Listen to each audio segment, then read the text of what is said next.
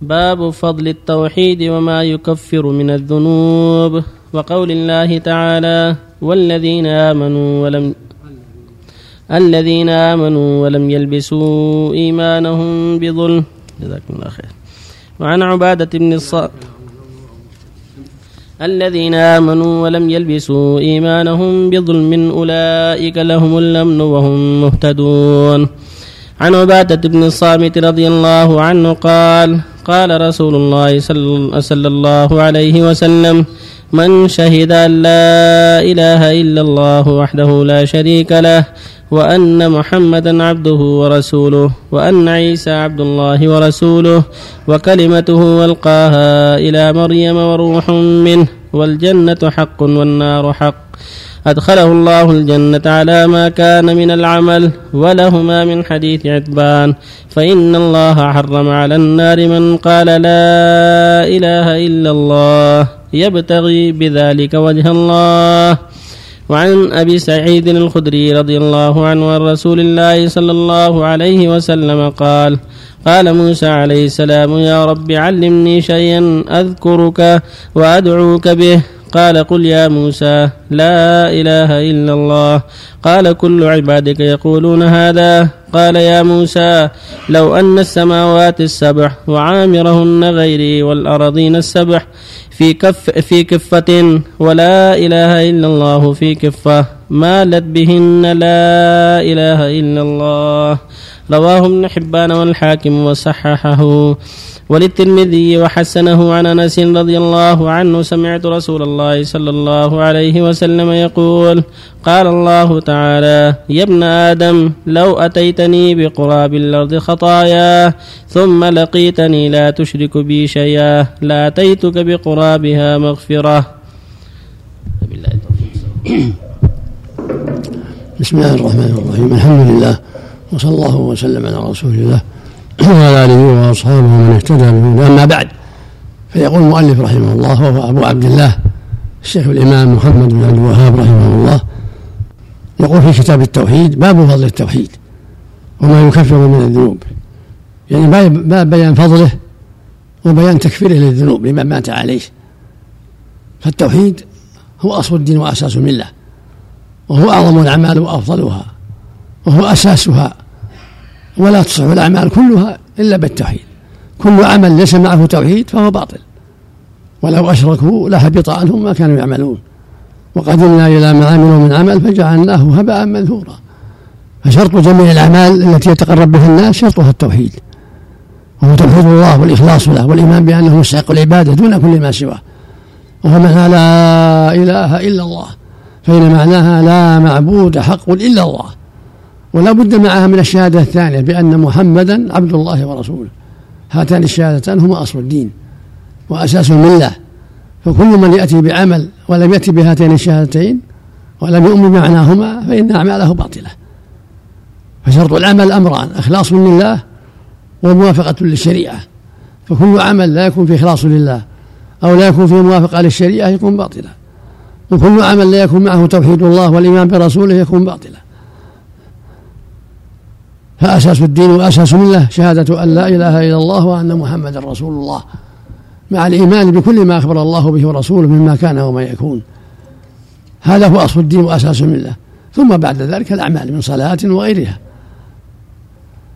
يقول جل وعلا الذين آمنوا ولم يلبسوا إيمانهم بظلم يعني بشرك أولئك لهم الأمن وهم مهتدون. وهذا من الترجمة باب فضل التوحيد وتكفيره للذنوب. ما أتى بالتوحيد سليم من الشرك كله فإن له الأمن وله الهداية مطلقة. لما سمع الصحابة هذا لهذه الآية جاءوا إلى النبي صلى الله عليه وسلم وجده عنده الركب قالوا قالوا يا رسول الله نازلت هذه الآية ولا نطيق بها تطيقها. لم يظلم كل واحد منا خطأ. طيب من يسلم من ظلم نفسه؟ فقال صلى الله عليه وسلم ليس هو الذي تعنون ليس هو ظلم المعاصي إنما هو الشرك. ألم تسمعوا إلى قول العبد الصالح؟ إن الشرك لظلم عظيم. فمن أتى بالشرك بطل عمله وليس له أمن ولا هداية. الشرك الأكبر. أما من سلم من الشرك الأكبر والشرك الأصغر فإن له الأمن الكامل والهداية الكاملة. فإن سلم من الشرك الأكبر ولكن عنده شيء من الشرك الأصغر أو المعاصي فإن عنده أصل الأمن وعنده أصل الهداية لكنها هداية غير كاملة. وأمر غير كامل وهو على خطر من دخول النار بالمعاصي التي يموت عليها. لكن معه أصل الأمن وأصل الهداية. فمن تعالى من مات على التوحيد الخالص لله والإيمان برسول الله صلى الله عليه وسلم فمعه أصل الأمن؟ ومعه أصل الهداية؟ لكنهما ليسا كاملين إلا بترك المعاصي. فمن ترك المعاصي وأنواع الظلم كله صار له الأمن الكامل والهداية الكاملة. والظلم ثلاثة أنواع. ظلم الشرك وهو الظلم الأكبر. الثاني ظلم الناس بالمعاصي رحمك الله. الثالث ظلم العباد بالقتل أو بالضرب أو بالمال أو بالعرض. هذه أنواع الظلم. الظلم الأكبر الشرك. الظلم الثاني ظلم الناس بالمعاصي كالزنا والخمر والعقوق ونحو ذلك. الظلم الثالث ظلم العباد في أنفسهم أو في أموالهم أو بالغيبة والنميمة. فمن وقاه الله أنواع الظلم كلها صارت له الجنة من أول وهلة ودخل الجنة من أول وهلة وصار له الأمن الكامل والهداية الكاملة. أما من مات على الظلم الأول وهو الشرك فإنه من أهل النار. ليس له هداية ولا أمن نسأل الله أما من سلم من الظلم الأكبر ولكن مات على شيء من ظلم المعاصي أو ظلم الناس فهو تحت مشيئة الله. إن شاء الله غفر له وأدى عنه حقوق وإن شاء عذبه على قدر الجرائم التي مات عليها ثم بعد التطهير والتمحيص يخرجه الله من النار. كما قال سبحانه إن الله لا يغفر أن يشرك به ويغفر ما دون ذلك لمن يشاء. في آيتين من كتاب الله من سورة النساء.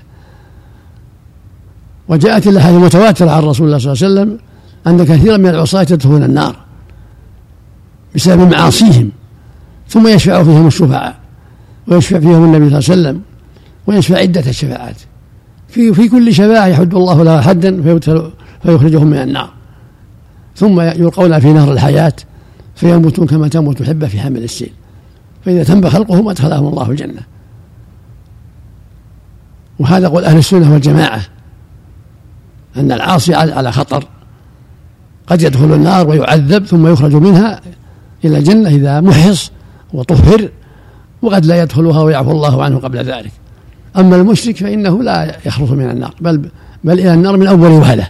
كافر كل من حكم بكفر الكفر أكبر فإنه إلى النار من أول وهلة ولا يخرج منها أبدا. قال تعالى ولو أشركوا لحبط عنهم ما كانوا يعملون.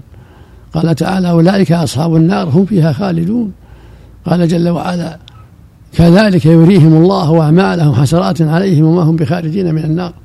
قال فيهم أيضا يريدون أن يخرجوا من النار وما هم بخارجين منها ولهم عذاب مقيم. هذه حال الكفرة ومن هذا حديث عبادة. أن من لقي من شهد أن لا إله إلا الله وأن محمدا عبده ورسوله وأن عيسى عبد الله ورسوله وكلمته كلمته مريم وروح منه وأن الجنة حق والنار حق أدخله الله الجنة على ما كان من عمل متفق عليه. هذا من الأحاديث المطلقة. من أحاديث الوعد. وأن من مات على التوحيد والإيمان فله الجنة. لكن إن كانت له ذنوب وسيئات فهو تحت مشيئة الله. وإن كان لم يكن له ذنوب ولا سيئات بل مات على توبة دخلها من أول وهلة. فقوله أدخله الجنة على ما كان من الأمل يعني من صلاح وفساد إذا إذا تاب عن ذلك. إذا تاب من الفساد. فإن كان معه فساد فالأحاديث الأخرى تقيده. تكون هذه أحاديث مطلقة وأحاديث المعاصي تقيد هذا المطلق كما قال عز وجل وإني لغفار لمن تاب وآمن وعمل صالحا ثم اهتدى فقيده بالتوبة. قال تعالى والذين إذا فعلوا فاحشة أو ظلموا أو ذكروا الله فاستغفروا لذنوبهم ومن يغفر الذنوب إلا الله ولم يصروا على ما فعلوا وهم يعلمون. أولئك جزاؤهم مغفرة من ربهم وجنات تجري من تحتها الأنهار خالدين فيها ونعم أجر العاملين. قيد هذا بالذي ماتوا على على التوبة من غير إصرار. أما من أصر على الذنوب ومات عليها فهو تحت مشيئة الله. فهذه العبادة وما جاء في معناه من الأحاديث المطلقة المقيدة بالنصوص الأخرى. وهي نصوص التوبة والإقلاع والندم. أو إذا مات على توبة صادقة فإنه يدخل الجنة من أول وهلة. وهكذا حديث أبي سعيد. إن الله حرم على النار من قال لا إله إلا الله يبتغي بذلك وجه الله. فهو محرم على النار إذا قال لا إله إلا الله ولم يصر على السيئات. مقيد بالنصوص الأخرى. فإن مات على إصرار على السيئات فهو تحت مشيئة الله. أما قال يبتغي لا إله إلا الله يبتغي بهذا وجه الله توبة صادقة وإقلاعا من الذنوب فإنه يدخل الجنة من أولها ويحرم على النار. كما تقدم في هذه عبادة. كلها مقيدة بالسلام من الشرك والمعاصي وعدم الإصرار. وهكذا حديث أبي سعيد في قصة موسى. يا يا موسى لو أن قال يا قال يا ربي علمني شيئا أدعوك وأدعوك أشهدك وأدعوك قال قل لا إله إلا الله. قال يا ربي كل عبادي يقولون هذا. قال يا موسى لو أن السماوات السبع والعامرهن غيري وأن السبع في كفة ولا إله لا إله إلا الله في كفة بلت بهن لا إله إلا الله. إذا رجحت بهن إذا قالها عن صدق وعن إخلاص وتوحيد وإقلاع من الذنوب ترجح بجميع سيئاته. فهو حديث مطلق. مقيد بالنصوص الأخرى كما تقدم. وفي هذا دلالة كما قال المؤلف أن الأنبياء قد يخفى عليهم بعض ما لا إله بعض ما لا إله إلا الله حتى يعلمهم الله وينبههم كما جرى لموسى. وفي هذا الباب حديث البطاقة وهو حديث صحيح. في يقول فيه النبي صلى الله عليه وسلم إذا يكون يوم القيامة يؤتى برجل ينشر له تسعة وتسعون سجل فيها ذنوب وسيئاته فيقال أتنكر من هذا شيء؟ فيهب الرجل ويقول لا. فيقول لا. يقول فقال نعم إن لك عندنا. حسنة. لا. لا لا تجحد ولا تغبن ولا تظلم. ثم يؤتى ببطاقة فيها. أشهد أن لا إله إلا الله وأن محمدا رسول الله. فتوضع البطاقة في كفة والتزوج السجل في كفة. قال فرجحت البطاقة وطاشت السجلات. قال العلماء معناه أن هذا قالها عن توبة وإخلاص. وصدق فرجحت حسناته وتوحيده وإيمانه بالرسول. بذنوبه وسيئاته. لكونه قالها عند الموت تائبا نادما فصارت هذه البطاقة ترجح بجميع سيئاته. لأنها صارت عن إقرار صادق وتوبة صادقة فرجحت بجميع سيئاته. وهكذا حديث أنس. لو أتتني بقراب الأرض خطايا يقول الله لو أتتني بقراب الأرض خطايا ثم لقيتني لا تشرك بي شيئا لا تشرك بقرابها مغفرة. يعني إذا أتى بالتوحيد الخاص الذي ليس معه سيئات لأن طاعة الهوى نوع من الشرك الأصغر نوع من طاعة الهوى. فإذا لقي الله بالسلام من الشرك كله ومن المعاصي لقيه الله بمغفرة كاملة وأدخله الله الجنة. أما إن لقيه بالسلام من الشرك لكن عنده معاصي وعنده ذنوب فهو تحت مشيئة الله كما دلت عليه النصوص الأخرى من القرآن والسنة. قوله ولم يصروا على ما فعلوا ولو إني لغفار لمن تاب. فهي تقيد مثل هذه النصوص. هذه النصوص عند العلماء مقيدة. إطلاقها مقيد بالتوبة الصادقة و وعدم الركوع وعدم الإصرار على المعاصي. فإذا أتى العبد ربه بتوبة صادقة وتوحيد خالص ليس معه إصرار على الذنوب فإنه يدخل الجنة من أول وهلة. أما إن كان معه إصرار ومعه ذنوب لم يتوب منها فهو تحت مشيئة الله. إن شاء الله عذبه على قدر معاصيه كما يجري لكلمة العصاة ثم يخرجه الله من النار بتوحيده وإسلامه وإن شاء عفى عنه وأدخله الجنة من أول وهلة لكونه مات على التوحيد والإيمان وعدم الظلم الأكبر. هذا مقام عظيم يغلط فيه كثير من الناس فينبغي أن يعلم هذا الأمر على بصيرة وأن هذه النصوص المطلقة في دخول الموحد الجنة كلها مقيدة بالنصوص الأخرى التي فيها التقييد بالتوبة وعدم الإصرار على المعاصي. وفق الله جميعا.